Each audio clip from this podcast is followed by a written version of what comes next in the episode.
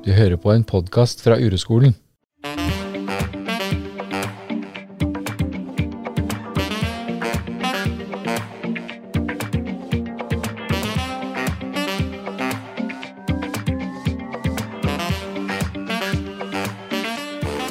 Du hører nå på podkasten Helt sant med Siv Eklo og Kaspar Scheip.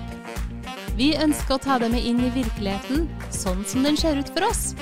Vi ønsker å gi deg innsikt og verktøy for at du skal være inderlig til stede i livet. God lytt! Da er vi i gang. Ja, Å, spennende. ja, Det er andre gangen vi sitter her. ja, det er det. Hjemmestudio. Ja, Mm.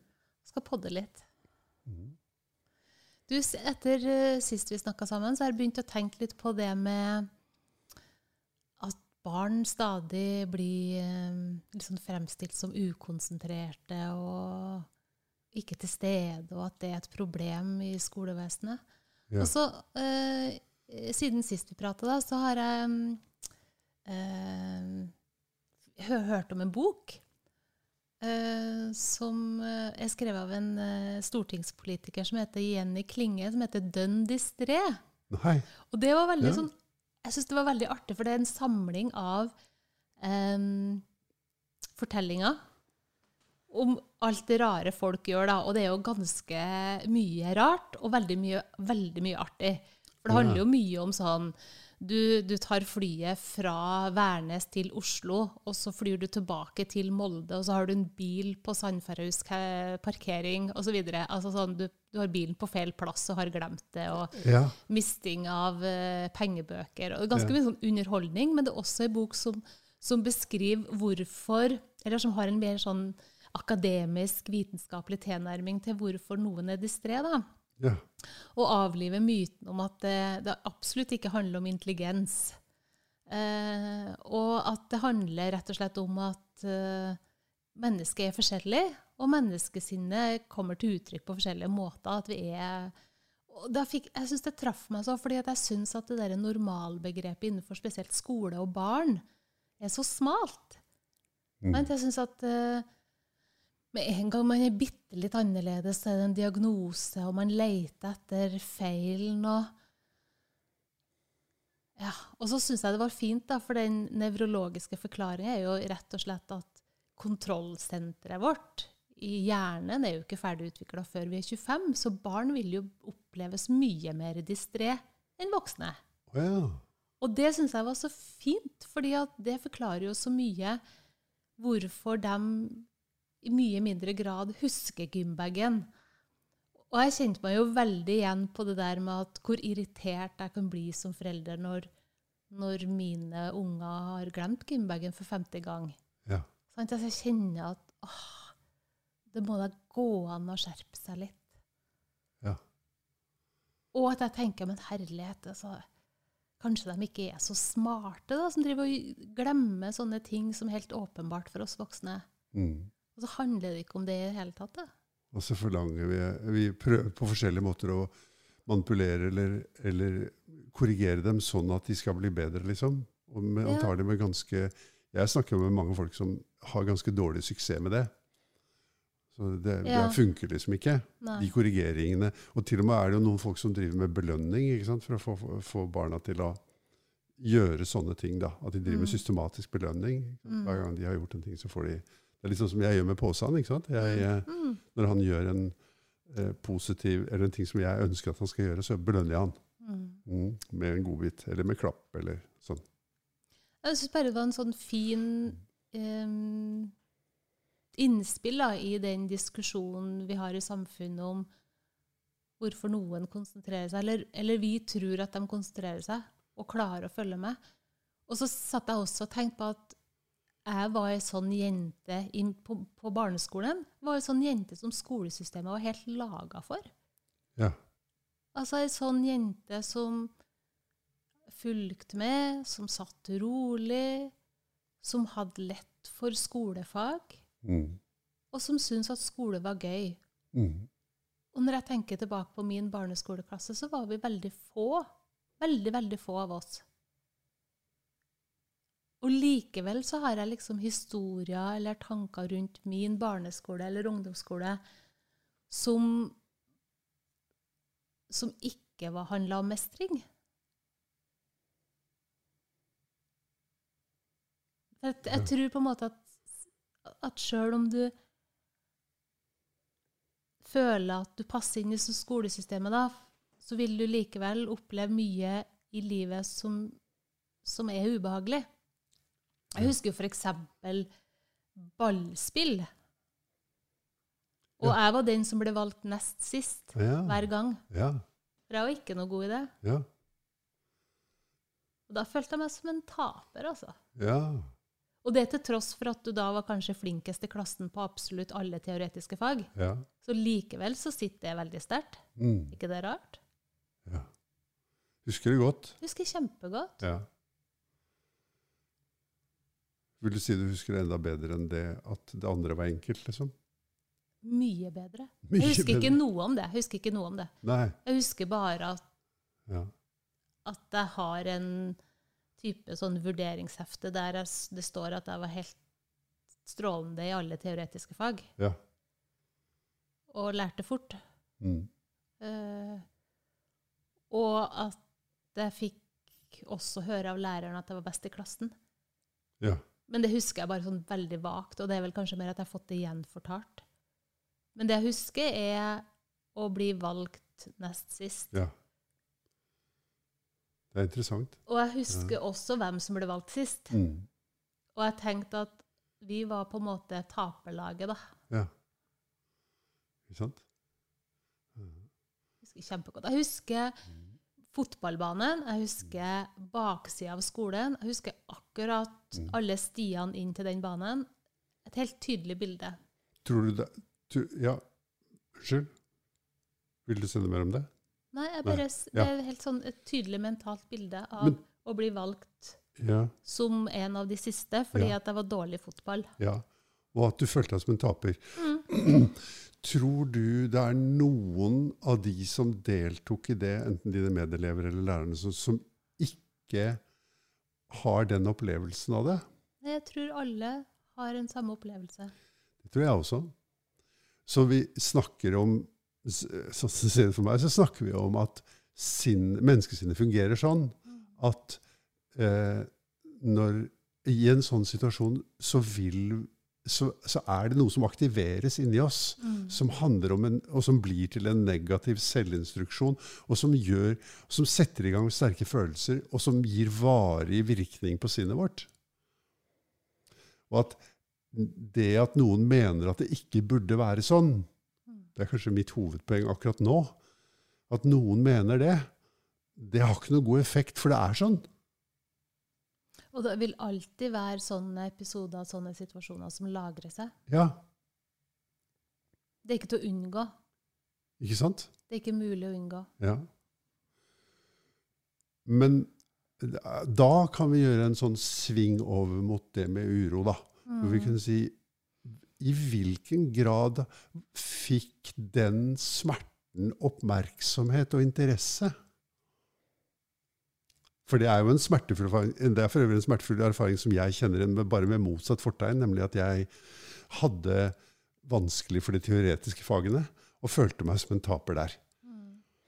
Eh, men det var jo ingen som spurte meg hvordan jeg hadde det. Nei.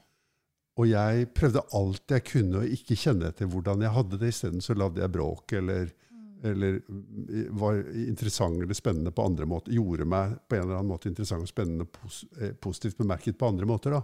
Hvordan gjorde du det? Nei, Det kunne f.eks. være ja, Når det gjelder å lage bråk, så er det jo veldig enkelt. Um, men det kunne jo uh, være å være veldig hyggelig, f.eks. Veldig grei. Snill. Medgjørlig? Medgjørlig, kanskje. Um, eller det kunne være å gjemme meg. Ja. Mm. Og trekke meg tilbake til et sted hvor jeg ble lite synlig. da. Mm. Men, det var, men den følelsen den situasjonen ga meg i klasserommet, den fikk ingen oppmerksomhet av meg. Eller jeg prøvde alt jeg kunne ikke kjenne det. Og det var ingen lærere som ga det oppmerksomhet. Mm. For det var mer at eh, man spurte seg hvordan skal man få Kaspar til å lære noe. Matematikk, for f.eks. Ja. Og de snakket med mine foreldre om det, og de snakket sikkert med hverandre om det. Og kanskje mine medelever som hadde lett for matematikk, snakket seg imellom om det, nemlig det er noen her som er helt dust, liksom. Mm. Det vet ikke jeg noe om, for det ble, på den tiden var man Jeg ble ikke mobbet for det, sånn som jeg kan huske det, men jeg følte meg jo eh, en, en av de følelsene jeg hadde, det var en følelse av å være utafor. Eh, Hva var du utafor? utafor det gode selskapet. Ja. Utafor det som Der hvor jeg gjerne ville vært. Jeg var ikke innafor, jeg var utafor. Mm.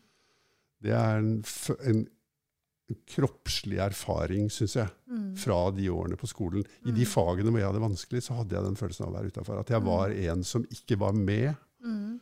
Og som måtte, for å kunne få være med til en viss grad, så måtte jeg kompensere for det på andre måter. Og en Mm. måte, det er mange måter å kompensere det for, Mm. for det på. Mm. Så du passa ikke inn? En følelse av å ikke passe inn, ja. Mm. Mm. Og det er jo en veldig sterk følelse. Mm. Og veldig vondt. Ja. Så på den, det er jo veldig mange år siden, da.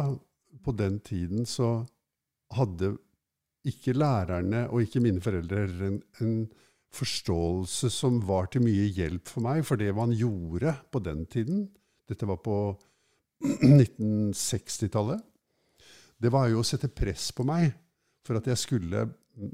Det, Karakteren i seg selv setter jo press på en. Mm. Eh, Men også det å på en måte forsterke undervisningen på en måte som jeg opplevde som veldig, veldig pressende. da. Og at faren min forsøkte å lære meg det på en måte som jeg opplevde som pressende, og som jeg opplevde som hvor den følelsen ble veldig mye sterkere. Nemlig at han også så på meg som en dust. Mm. Hva skjedde med deg da? Jeg tror er bare en følelse av å nærmest bli helt nummen i de situasjonene. Jeg kjenner igjen det både fra skolen og fra de leksesituasjonene. At jeg blir helt nummen i kroppen. Og at rett og slett Jeg vet ikke hvor mye to pluss to er, liksom.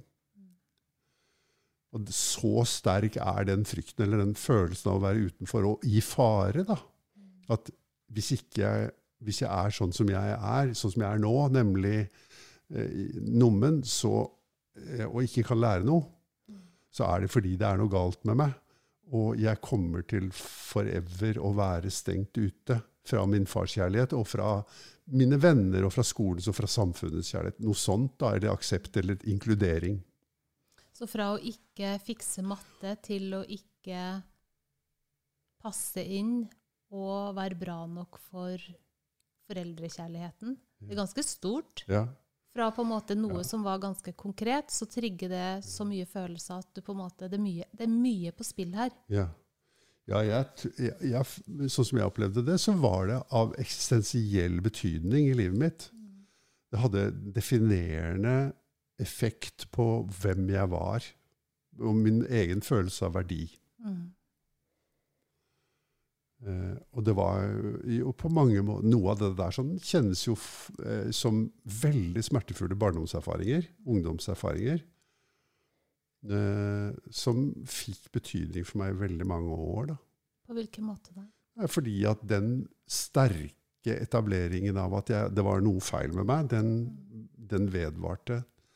Jeg møtte den igjen da jeg forsøkte å studere på universitetet. Jeg møtte Den den lå som en bakgrunn i livet mitt til, eh, til altså, Den er jo på en måte som en bakgrunn i livet mitt fremdeles, for den er jo der. Mm. Eh, men nå får den ikke lov å styre livet mitt, sånn at jeg fortsetter å bruke de gamle undervikelsesstrategiene eller de gamle kompensasjonsstrategiene. Men selve den selvinstruksjonen da, ligger jo der. Den overbevisningen om at det er noe feil her. Men jeg vil nå si totalt sett har den nå gått ned i intensitet, ned i styrke. Men jeg kjenner den veldig godt igjen, at jeg kan møte på det f.eks. i sammenheng hvor, sammenheng hvor jeg ikke får til noe. Ja. Jeg hadde det sånn her bare for noen dager siden.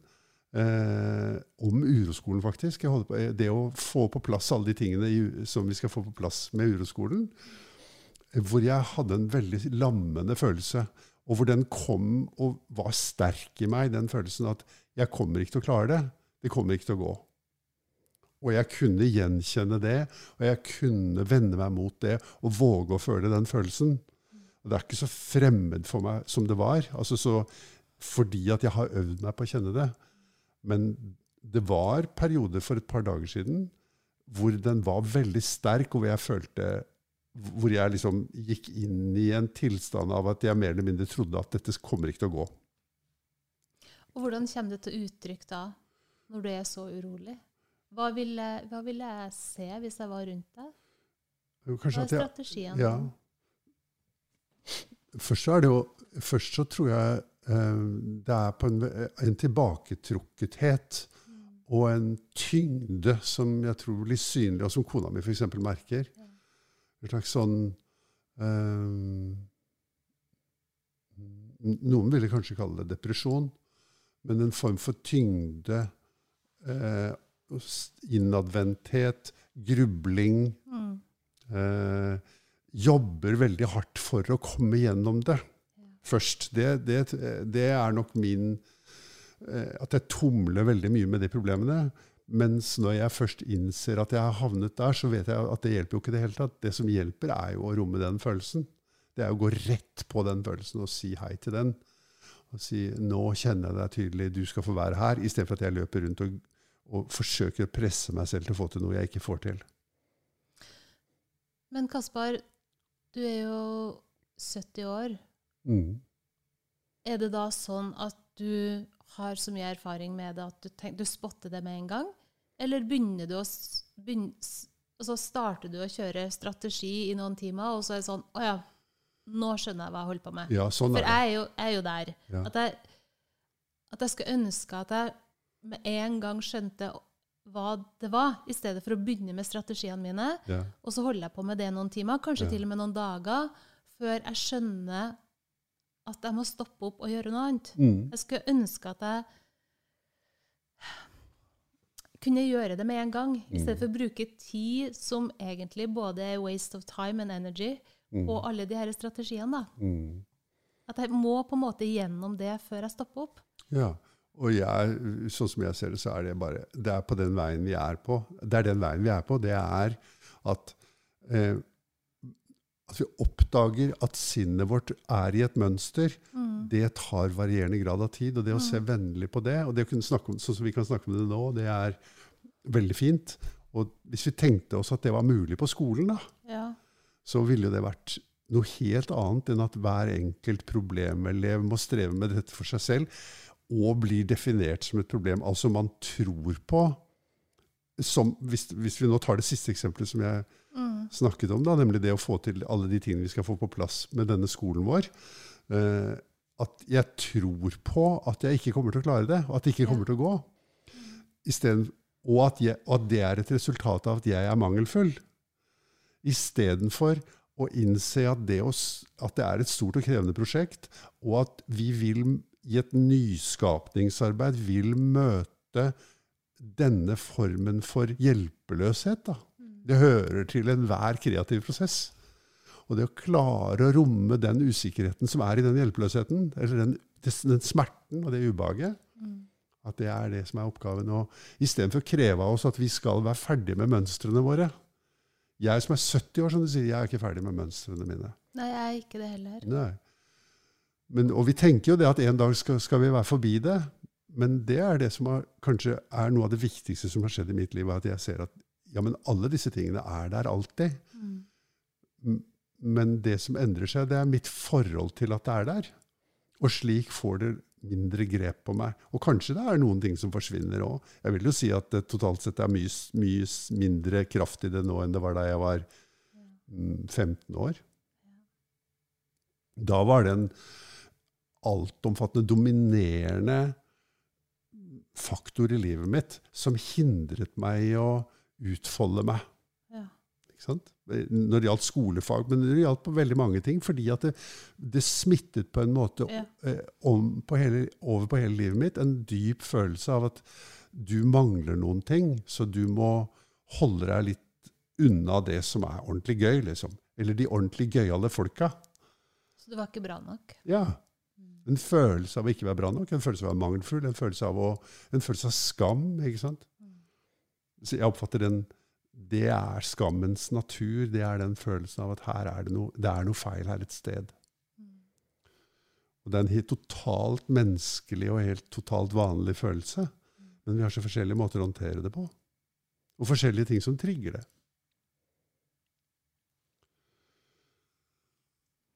Jeg kom på en episode nå når du sitter og snakker, Kaspar. Og det er jo fordi at jeg har fått høre hele livet at jeg har vært skoleflink, men jeg har også fått hørt hele livet at jeg ikke er kreativ. Ja. Og idérik. Uh, og det var alt fra sånn at jeg ikke var noe god til å tegne, f.eks. Um, og jeg, jeg husker jo godt på barneskolen, da, for da var det jo altså det var sånn strikking og sløyd og kunst og håndverk og sånne ting. Og alt da, for da visste jeg jo det at jeg var ikke kreativ. For det hadde jeg jo en veldig klar overbevisning om, at dette var ikke noe for meg. Ja. Så da gikk det jo fint med alt som hadde en oppskrift. ja. Sant? Hvis du skulle strikke noe, eller du skulle sy noe, og følge, eller, eller bake. Alt som har en oppskrift. Det, mm. det var jeg god på. Men, men ikke noe som, som eh, var sånn helt åpent. Mm. Det visste jeg at det håndterte Mm. jeg ikke. Mm. Eller hadde fått hørt det. Mm. Og så husker jeg en episode der vi fikk utdelt en klump med leire. Ja.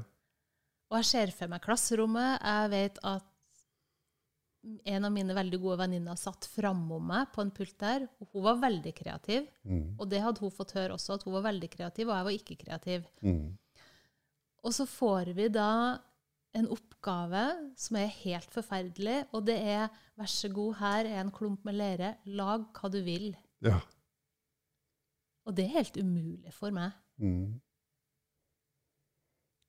Du, Husker du hvordan det kjentes å sitte foran den klumpen? Det er bare en sånn uh, maktesløshet. Ja. Og, og et, et, en hjerne eller et hode som er helt fastlåst, da. Mm. Som ikke har én idé. Som ikke, Mm. har, som ikke klarer å komme på noe. Mm. Og du vet, jeg, jeg får så lyst til å snakke om livsmestringsfaget. Uh, når, du, når du forteller det der. Ikke sant? Fordi at livsmestringsfaget det er noe som har kommet inn i skolen nå, som Ja. skal Så vidt jeg skjønner, så skal det gjennomsyre alle fagene på skolen. Mm. Det er ikke et sånt eget fag. Det skal gå inn i alle andre fag, i matematikk eller forming eller gym eller norsk. Tenk hvis man gjorde det at man tok den leirklumpen, og hver elev fikk sin leirklump, og så istedenfor at var, nei, oppgaven var eh, lag noe, så var den nå får du oppgaven å lage hva du vil. Hvordan er det å være deg da? Og at man hadde ressurser, altså kunnskap, erfaring, kompetanse, til å skape en samtale mellom barna og lærerne om det. Hva er det egentlig som skjer når jeg får en sånn oppgave? Og se at det er helt forskjellig for forskjellige barn, avhengig av hva man er blitt skammeliggjort på. Liksom. Du ser at du har blitt skammeliggjort på kreativiteten din. Eh, det er jo, det er jo en helt, altså Vi blir jo skammeliggjort på alle ressursene våre på en eller annen måte. Ikke fordi det er noen som er dårlige mennesker og slemme med oss, liksom. Det kan jo være det, men det er jo det er ikke det som er det vanlige. Det var i hvert fall ikke mine foreldre. Jeg har aldri møtt noen som intensjonelt ville meg vondt. Nei. Og ikke lærerne mine, og ikke vennene mine. Ingen. Nei. Men allikevel så sitter den skammen der. Så det er en normal ting for menneskene. Det er derfor dette er så viktig i det livsmestringsfaget. At, man tar, at man ser at ja, men det er normalt å ha det dårlig foran en leirklump. Det er normalt å ha det dårlig foran matematikken. Det er normalt å ha det dårlig foran gymmen. Det er normalt å kjenne på press. Det er normalt å ha det dårlig å kjenne på press. Og, og det å ha en bevissthet om det, istedenfor at fordi at det som skjer i vårt samfunn, er jo at vi går isteden til de som ikke får det til, er det noe galt med? Og noen av dem får en diagnose. Og det er, det er jo bare bullshit. Det er ikke sant at det er noe galt med folk som ikke får det til. Men det er sant at det å tro at det er noe galt med meg, og at det, jeg har, heter noe på latin, at det har enormt formende kraft i seg for resten av livet. Og det kan unngås på en veldig enkel måte. Hvis man, hvis man tar dette inn på den måten og ser at det, har, det har, noe, dette livet gjør noe med oss, og det må ha sin plass ved siden av matematikken eller formingen. og inkludert i matematikken og formingen, istedenfor at det er noe som gjelder noen minusvarianter av oss, sånn som jeg har vært. da. Og som, du, ja, som jeg har vært i f.eks. matematikken, og du har vært i gymmen. Ja. Åssen er det å være en minusvariant? liksom? Føles det å være en minusvariant? Når jeg kjenner tilbake på Ja. den situasjonen med å sitte på en, en skolepult med en leirklubb foran seg, og med en visshet, en tanke om at etterpå så skal læreren ta og legge alle de tingene på et Ja. brett og sette inn i en sånn brenningsovn, og alle vil da se på hva alle har laga, Ja. og så vil man gjøre vurderinger av hva er fint og ikke fint. ja. Det gjør jo bare en, at du får en kjempeklump i magen. ja. Eh, jeg kjenner at jeg blir stiv i nakken bare av å tenke på det. faktisk. At jeg kjenner at det er litt, sånn, Ja. litt trangt i pusten. ja. Og at en opplevelse av at man ikke har en hjerne. ja. Det, altså, det, er, en sånn, det er helt tomt. ja. Har ikke en eneste tanke om hva du skal Ja. lage. Eller ikke ha evne. Ja, ja, ja. Og så da kommer det jo ja. veldig fort en sånn litt sånn udugelighet-opplevelse, da. Ja. En opplevelse av å ikke få til dette, som egentlig burde vært en kjempelett. Mm. Altså, hvor vanskelig er det å sitte med en leirklump og lage noe? Ja. Hva som helst. ja. Og så ser vi bort på de andre, og så ser vi at ja, men de andre får det jo til. Ja, og de har starta allerede. Ja. De er i gang med noe. ja. Må, det er jo nesten helt umulig å ikke havne opp med en konklusjon som er det er noe feil med meg. Ja, og så husker jeg også at det blir dobbeltskam, fordi at jeg begynner da å spørre de andre hva skal du lage? Mm. Og så sier i hvert fall hun ene eh, Jeg vil ikke si det. Mm. Fordi at hun da tenker at da kommer jeg til å lage det samme. Ja. Og det vil hun ikke. Ja. Så ikke er du bare, ikke er du bare udugelig, men du er også en sånn copy Ja. som ikke har egne meninger. Og da er du ganske, det er ganske lavt ned på rangstigen. ja. Og tenker at dette sitter i til tross for at Jeg tenker dem som observerte meg i den skolesituasjonen, ville jo tenke at jeg var en skolemestrer. ja. Jeg var en flinkis. Mm. Og så tenker jeg da på de som har denne opplevelsen nesten alle fag på skolen, Mm. Der jeg hadde en veldig liten flik av det, og så er det så tydelig, sånn at med en gang jeg i en jobbsammenheng eller en annen sammenheng nå i livet som snart 50-åring tenker men vent nå litt, jeg er jo ikke kreativ, så det er kanskje ikke så mye vits at jeg skal være med på dette. Mm. Ja. Fra å være en åtte-niåring med en leirklump. Mm. Det er en dyp, fest, dypt festet selvinstruksjon. ikke sant? Ja. Selv, en, en oppfatning, en mening, en idé om meg selv som, kan, som sitter der livet ut. Og som kan få lov å styre livet livet ut også, hvis den ikke blir oppdaget, og hvis vi ikke gjør noe med det. da. Så det er et skikkelig bra tema. altså. Det er, men det er jo veldig Altså Det der med å snakke om sånne følelser i klasserommet, det er jo en vanskelig sak, syns jeg. For jeg. Jeg er jo egentlig ikke så veldig tilhenger av å drive og snakke om så veldig mye. Jeg mener jo at vi, har, vi lever i et samfunn hvor man har en veldig sterk idé om at det som skal til når noe er vanskelig, er at vi snakker sammen om det. Og jeg, det ligger veldig mye god intensjon bak det. Og på en måte så er det jo det er noe, noe bra i det, liksom. Det vil jeg si. Tenker du som forelder mot barn, lærer mot barn, Ja. i alle situasjoner? ja. Men da jeg var 14-12-14-15 år eh, Jeg var i hvert fall ikke vant til å snakke om sånt. Jeg var vant til å prøve å skyve det vekk, alt jeg kunne. Og i en situasjon hvor jeg blir hvor, blir, hvor det blir krevet av meg at jeg skal snakke om det, så vil jeg jo bare, det vil jo bare forsterke den følelsen, for jeg har ikke utviklet en evne til å snakke om det. Dette her er jo, har sin parallell. Jeg har lyst til å skyte den bisetningen. Veldig typisk sak som vi møter veldig mye i terapirom, nemlig det at menn har et annet forhold til å snakke om denne typen ting enn kvinner har. Veldig ofte. Ikke alle, men veldig ofte. Ja, men veldig ofte, og venninneforholdet er jo mye at man snakker sammen. Jentene har jo øvd på dette siden de var veldig små. Gutta driver jo ikke med det på samme måte, så de har jo i veldig liten grad øvd på det. Og at mennene da kommer De er allerede på undersida når de kommer inn i rommet, fordi at de har ikke utviklet Eller de har, de har en annen måte å forholde seg til dette på da, enn å snakke om det. Så Derfor så er jeg veldig kritisk til det kravet om at, vi skal, at løsningen er å snakke om det.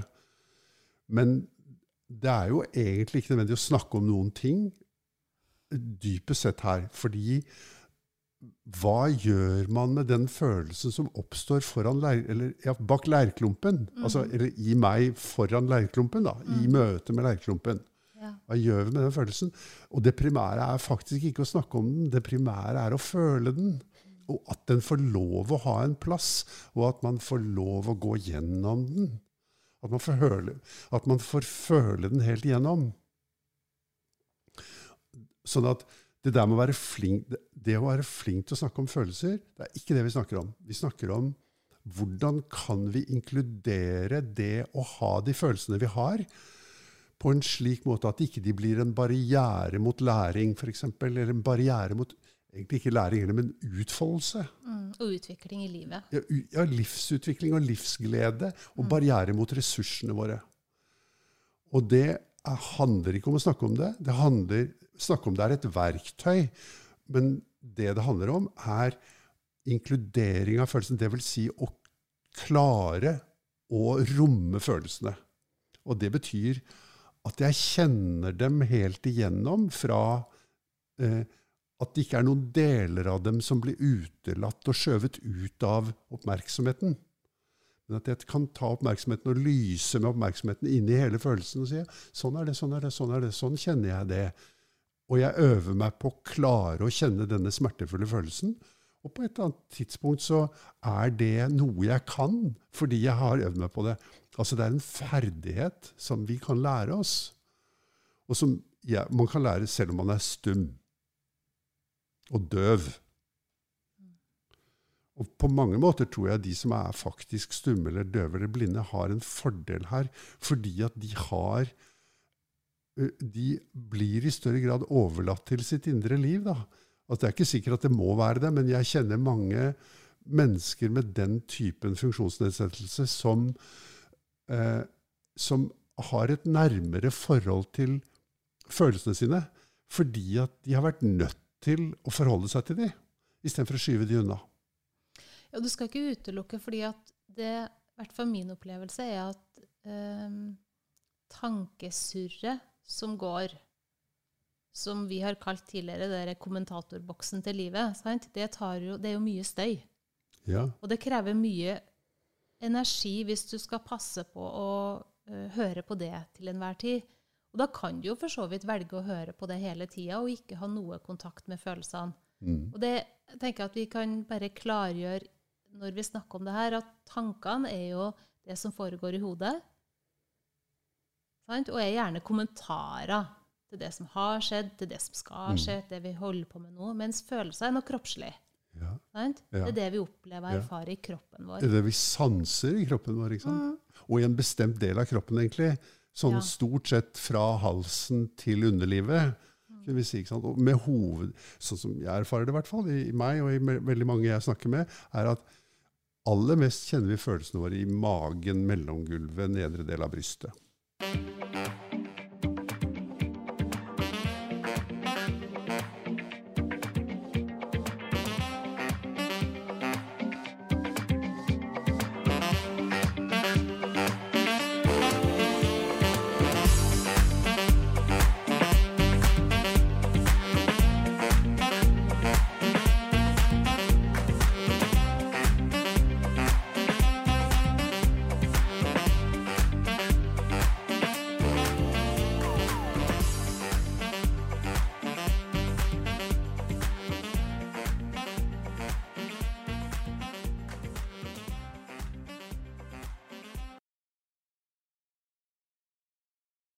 Det vi skulle nå, da?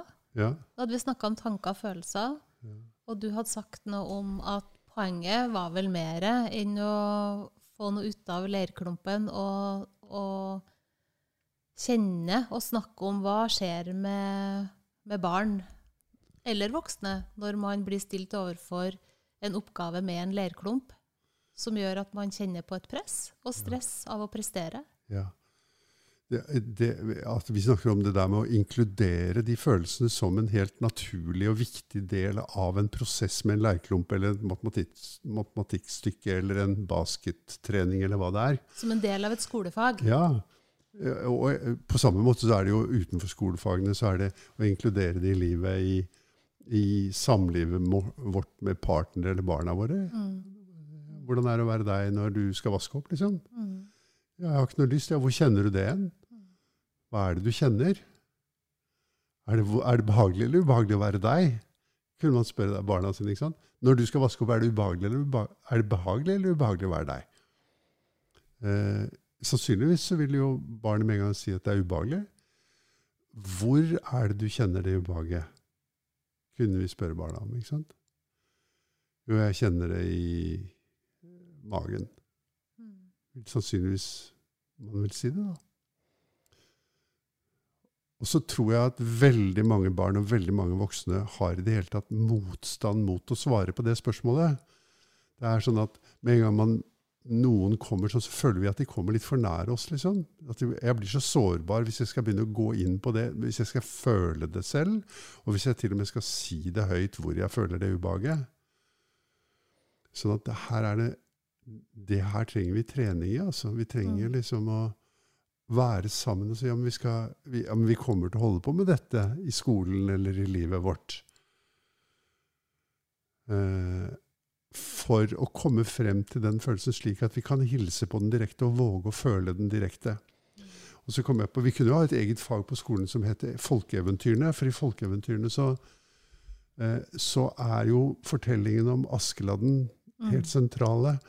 Og hvordan de fortellingene handler om De handler om mange forskjellige ting, men en av de viktigste underliggende temaene i de fortellingene, eller de eventyrene da, som jeg er vokst opp med, i hvert fall, er du. Mm. Det er eh, at noen ganger blir vi veldig, veldig redde for et troll. Og, for å, eh, og at det er veldig lett å løpe og gjemme seg eller å gå et annet sted. Eller å bare beskytte seg og det som kreves, er at vi tar i bruk ressursene våre. At vi kommer i kontakt med styrken vår. Og, sånn, og da må vi først erkjenne hvor alvorlige hvor redde vi er. Eh, for at vi skal kunne komme i kontakt med den styrken som kreves for å hugge alle de syv hodene av trollet. Mm. Eller gå over brua? Eller gå over brua, ja. Alle de tingene som ja. Som livet gir muligheter til, da. Men jeg tenker jo at jeg tror mine unger er litt sånn overeksponert. For når de har det vanskelig, så sier jeg Men hvordan er det å være deg nå? Hvordan kjennes det i magen? Ja. Og noen ganger så er de mottakelige og virkelig gjør et forsøk på å kjenne etter. Men jeg syns òg at ganske mange ganger så sier jeg men åh, mamma, slutt med det der uh, psykologitullet. Ja. Altså litt i den. Ja. Og så opplevde jeg egentlig det med å ha en samtale med eh, en ganske god venninne, som for så vidt er mer enn det forretnings, kommersielle forretningslivet og jobber som leder. Eh, som, som, hadde en historie om at noe var ganske krevende. Og så sier jeg som nå eh, sier jeg, ja, men det som er vanskelig, hvordan, hvordan kjennes det da? sier jeg. Og så begynner jeg å utbrodere langt om hvilke tanker hun har om det. Så ja. sier jeg men det er tanker. Hvordan mm. føles det? Det er i kroppen. Ja. Og da blir jeg veldig satt ut. Ja. Og så ser jeg at hun blir litt sånn varm mm. og rød i ansiktet, og så sier hun å, jeg tror ikke jeg fikser at du er psykolog nå. Nei. Ja. Og så går vi videre og snakker om noe annet. Ja. Jeg merker at, at man kan bli litt satt ut av det. Ja. Og i hvert fall hvis ikke du er forberedt på det, i hvert fall ja. hvis ikke det er i en setting sånn som vi sitter nå, ja. og kan snakke om det og være til stede i det. Ja. Men hvis du snakker på en sånn måte idet du møter noen på gata, så har i hvert fall ikke jeg noe stor grad av um, suksess Mm. med det. Nei. Og så, hvis du tenker på hvor mye vi i vår kultur har trent oss på og bygget kultur rundt å ikke gå inn i dette her, Ja. så er det jo at dette er en svær oppgave, liksom.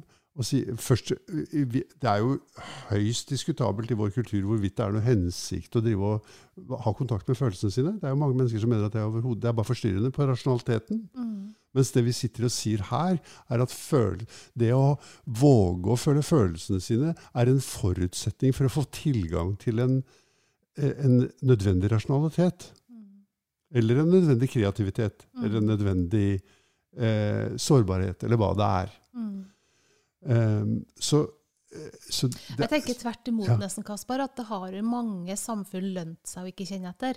Ja, Hvis en ser litt sånn evolusjonsbiologisk på det, så lønner det seg jo ja, historisk sett å ikke kjenne for mye etter. ja, Og ikke lytte for mye til følelsene, for da Ja. blir, det jo, blir det jo mye greier man må forholde seg til. ja, Og da blir det jo kanskje mindre arbeidsom, ja. og mindre hva skal jeg, hardtarbeidende.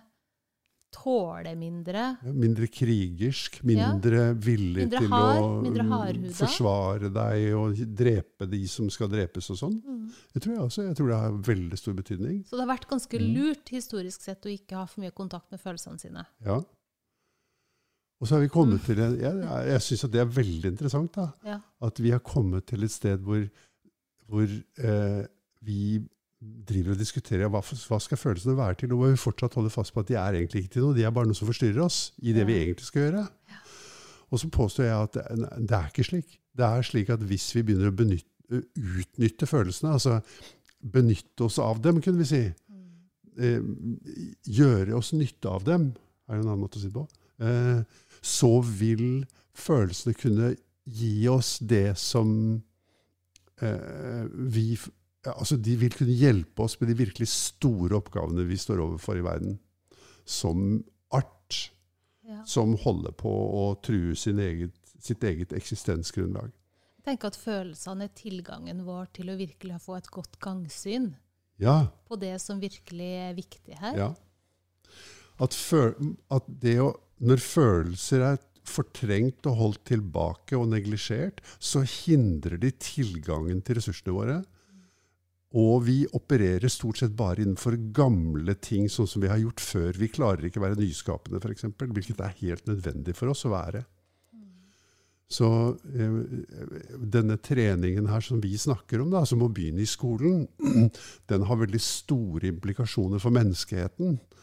For hvis menneskene begynte å ta på alvor følelsene sine Det handler ikke eh, Det handler jo om å uttrykke dem også. Eh, fordi det er en del av sannheten om hvordan det er å være menneske. på en måte. Og det å være et helt menneske handler også om å uttrykke følelsene sine, og våge å gjøre det. Og, kjenne, og våge å kjenne de, og våge å uttrykke de. Men i tillegg kommer det som vi snakker om nå, at de er veien til det som vi verdsetter så høyt, da. Som kreativitet eller oppfinnsomhet eller rasjonalitet, tenkeevne, klartenkthet, klarsynthet. Eh, ro, konsentrasjon, alle de tingene. For hvis du tenker på deg selv foran leirklumpen, da, når du sitter der med den, så er jo alle de tingene jeg nevnte nå, mer eller mindre fraværende inni en slags sky, utilgjengelig bomullsgreie eller noe sånt. De er helt utilgjengelige, og det tror jeg også Mm. er et resultat av arvesynden i min familie, som er at vi er ikke kreative. Mm. Ja, da vil jo det bli en arvesynd, ja. Hvis man har på en måte stemt over det og vedtatt det. Ja. Ja. ja. Mm. Og, og hvis man ser på seg selv, så ser man jo at man har slike oppfatninger om seg selv. Jeg er ikke pen, eller jeg er ikke morsom, eller jeg er ikke intelligent, eller jeg er ikke kreativ, eller jeg er ikke musikalsk. Jeg kan ikke synge. Jeg kan Ja. ikke male. Jeg kan ikke skrive. Jeg kan ikke ditt, jeg kan ikke datt. Ja. Ikke jeg, jeg kan noe annet. Men jeg kan ikke Hva er arvesyndene arvesynden i din familie? Hva er det som du tenker har gått i generasjoner på at i, sånn, i vår familie så er det sånn. Vi er gode på dette, men dette, det kan vi ikke noe med. Mm. Har det vært sånne tydelige egenskaper eller prioriteringer? jeg, tror, jeg kommer jo egentlig fra en, en familie hvor, eh, hvor det akademiske har vært veldig oppvurdert. Altså, hvor, og hvor man på en måte har har vedtatt at her er det mange personer som har gjort det veldig bra innenfor det akademiske, eller det, det, det som krever en høy intelligens. ja. Så man kunne jo kanskje si eh, at det har ført til at det er noen mennesker som står frem som lysende eksempler på akkurat det, og så er det noen av oss, sånn som meg, som har stått frem som et eksempel på det motsatte. For meg selv, da. Og kanskje for noen andre også, for alt det jeg vet. Jeg har egentlig aldri hørt det, men bortsett fra da jeg gikk på skolen, så hørte jeg jo det. At jeg klarte jo ikke matematikken engang. Eh, men at arvesynden handler om det området er for enten så er du god nok, eller så er du ikke god nok, liksom. Mm. Og jeg syns det er et godt ord, for det beskriver um, et tankegods da, som går fra generasjon til generasjon. Mm. Um, som er så etablert, og som er så fastlåst, at det blir nærmest umulig for en neste generasjon uh, å være noe annet. Ja, Eller i hvert fall være det motsatte av det som er ja. fastsatt. Mm. Um,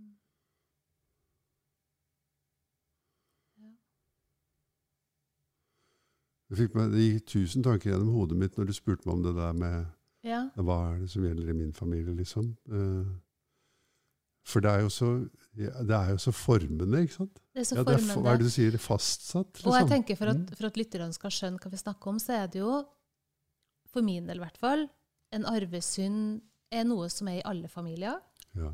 Eh, og det er ikke nødvendigvis eh, noen ting som er når man sitter og snakker om ved middagsbordet.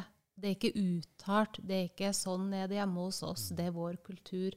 Det er bare noen ting som har lirka seg inn i kroppen din gjennom oppveksten og barndommen, som bare har liksom bosatt seg der, da. Og som har blitt sant. Ja. Ikke sant? Og en annen ting i min familie er jo at vi er hardtarbeidende, og at du Mm. har en verdi med å bidra og jobbe hardt Mm. og stå på. Mm. Um, at det er nesten viktigere enn Ja. hva du gjør, at du gjør det mye og hardt. Og, Ja. Altså den der Ja. kraftfullheten er viktigere enn hva du holder på med. Ja. Det er jo en ytterst uklar grense for meg mellom kultur og arvesynd. Ja. Ikke sant? ja. Ja. Jeg leste en gang eh, Jeg tror det var, jeg tror det var noe jeg leste. I hvert fall så var det en utlending som sa noen ting som, jeg, som traff meg så veldig. og Det var en kvinne som fortalte at når hun kom til Norge, så oppdaget hun at en veldig høy verdi i Norge var å kunne gå langt og fort og med jevnt tempo og uten mat og drikke på ski om vinteren. ja. Og, og jeg hørte også fra ei god venninne som er amerikansk, Ja. som sier at hun har, hun har bodd i veldig mange forskjellige land, som sier at jeg har aldri, hun har bodd i Norge i 20 år, jeg har aldri vært i et land og bodd i et land der den der ytekulturen er så sterk, Mm. Og at når du har med deg ungene på tur, så må du yte før du får nyte. Altså Ja. du må ha gått langt Ja. på ski før du får Kvikk Lunsjen din. Ja. Du starter ikke turen med. Kvikk Lunsj. Ja. Det, har, det, altså, det skjer ikke. Og det er eksepsjonelt norsk med en to, da. Ja, ikke sant? Og vi tenker på, ja, men det er jo selvfølgelig det. Man kan ikke spise sjokolade på begynnelsen av turen. Liksom. Vi har veldig gode begrunnelser for det vi gjør. Det, hadde de da, det hadde vi jo da jeg var barn også. Ja. Og vi hadde ikke Kvikk Lunsj engang. Men, eh, men eh, i min familie var det ikke snakk om å få Kvikk Lunsj på tur. Det var snakk om å komme hjem igjen slik at man fikk middag. Oh, ja. Det var ingenting imellom at du går ut, ingen stopp og ingen pauser og ingen drikke og ingen spise, fra du går ut til du er tilbake igjen. Og når du da går f.eks. i fem-seks timer, så blir du jo rimelig sliten da. Og sulten. Ja. Men det ble jo sett som en verdi, Ja. ikke sant? At det var bra folk Ja. som klarte det. Ja, det var Ja. bra folk som klarte det. Det var en god følelse å være så sliten og sulten. Mm. En viktig og nødvendig og god og selvfølgelig erfaring om vinteren, egentlig. Gjerne 20 kuldegrader og Mm. stort sett oppoverbakker. Ja. Ja.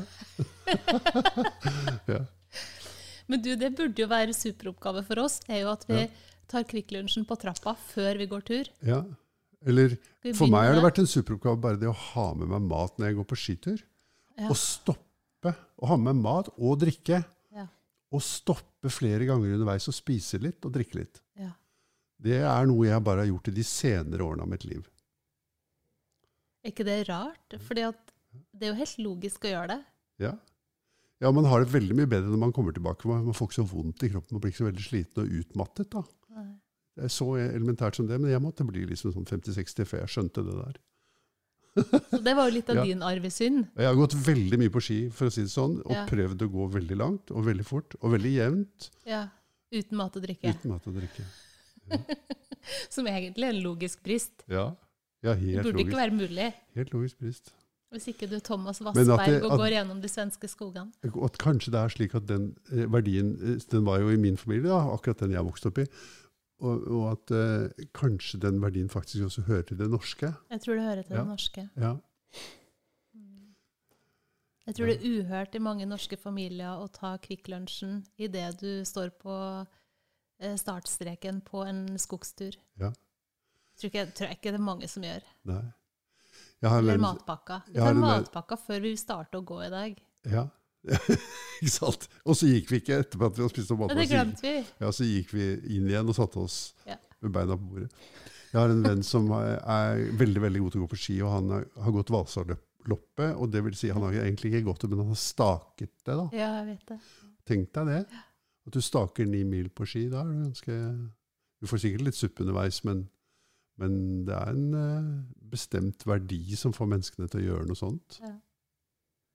Nei, jeg syns det er interessant fordi at Mm. eh, ulike familier har ulike ting. Mm. Og så vokser du opp i det, og så tenker du at alle andre har det sånn Ja, som vi har det. ja, Og så er det først når du da blir kjent med andre folk, at du skjønner at um, det er ikke sånn at alle har vokst opp sånn som jeg har vokst opp. nei. Og det tok meg ganske mange år å forstå. Ja. For man, man tenker jo at ja, men det er dette som er det normale. Ja. Det er sånn vi har hatt det. liksom. I min familie så ble vi slått, og det er jo helt normalt. liksom. Det er ikke sant at vi ble slått. Jeg, ble ikke slått da, men kanskje lite grann. Men, eh, men på den tiden var det ganske vanlig å bli slått. Når man var barn, når man hadde gjort noe galt eller var irriterende, og sånn, så fikk man seg en ørefik eller en dass på rumpa. Eh, så så det ble sett på som mat. Til og med den første skolen jeg gikk på, var det lærere som slo. Det kan jeg huske. Og det fikk lov å skje. Og tilbake i tid så har jeg hørt det fra min farfar og sånn, om at lærere hadde avstraffelsesmetoder som var fysiske, og som var foran klassen, og som var sånn type ned med buksa og spanskrør og sånn. Så øh, det vi snakker om, det er jo eh, Vi snakker jo egentlig om 'jeg er ikke kreativ'. Så hva er det vi gikk ut fra denne leirklumpen og sånn? Mm. Og de selvinstruksjonene og de oppfatningene vi har om oss selv som vi lager når vi er barn, og hvordan vi kan arbeide med det i livsmestringsfaget, har vi snakket om. Jeg s- s- vil gjerne være med å bidra til det at eh, lærere har en, en egen kompetanse på å anerkjenne at knyttet til matematikk eller forming eller gymnastikk eller norsk, er det smertefulle følelser, eller følelser i det hele tatt, som har bety stor betydning for eh, resultatet, hvis man kan kalle det det, da, karakteren f.eks. Eller læringa. Eller for læringen. For Mm. læringen, ja. Mm. Utfoldelsen. Og gleden ved faget og skolen. Mm. Og at vi er, i dagens skolesystem er veldig tankefokusert. Da.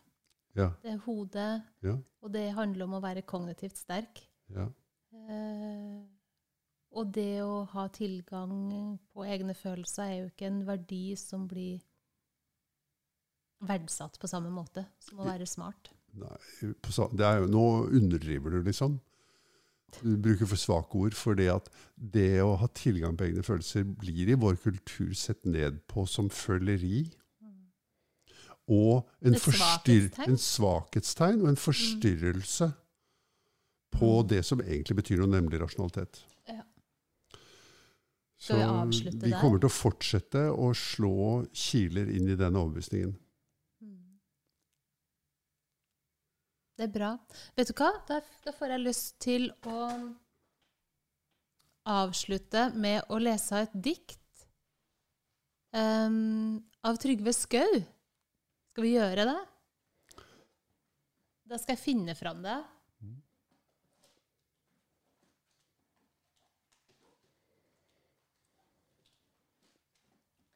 Der tror jeg det. Apropos det med tanker og følelser. Skal vi se Her er det Så får vi håpe at Trygve Skau syns at det er greit, da. Han er jo, har jo masse fine ting skrevet. OK, her går det. Hvis jeg myser lenge nok oppover, tror jeg hjernen min vil sige litt nedover. Og det tror jeg ikke er så dumt. For avstanden der, den har vært i lengste laget.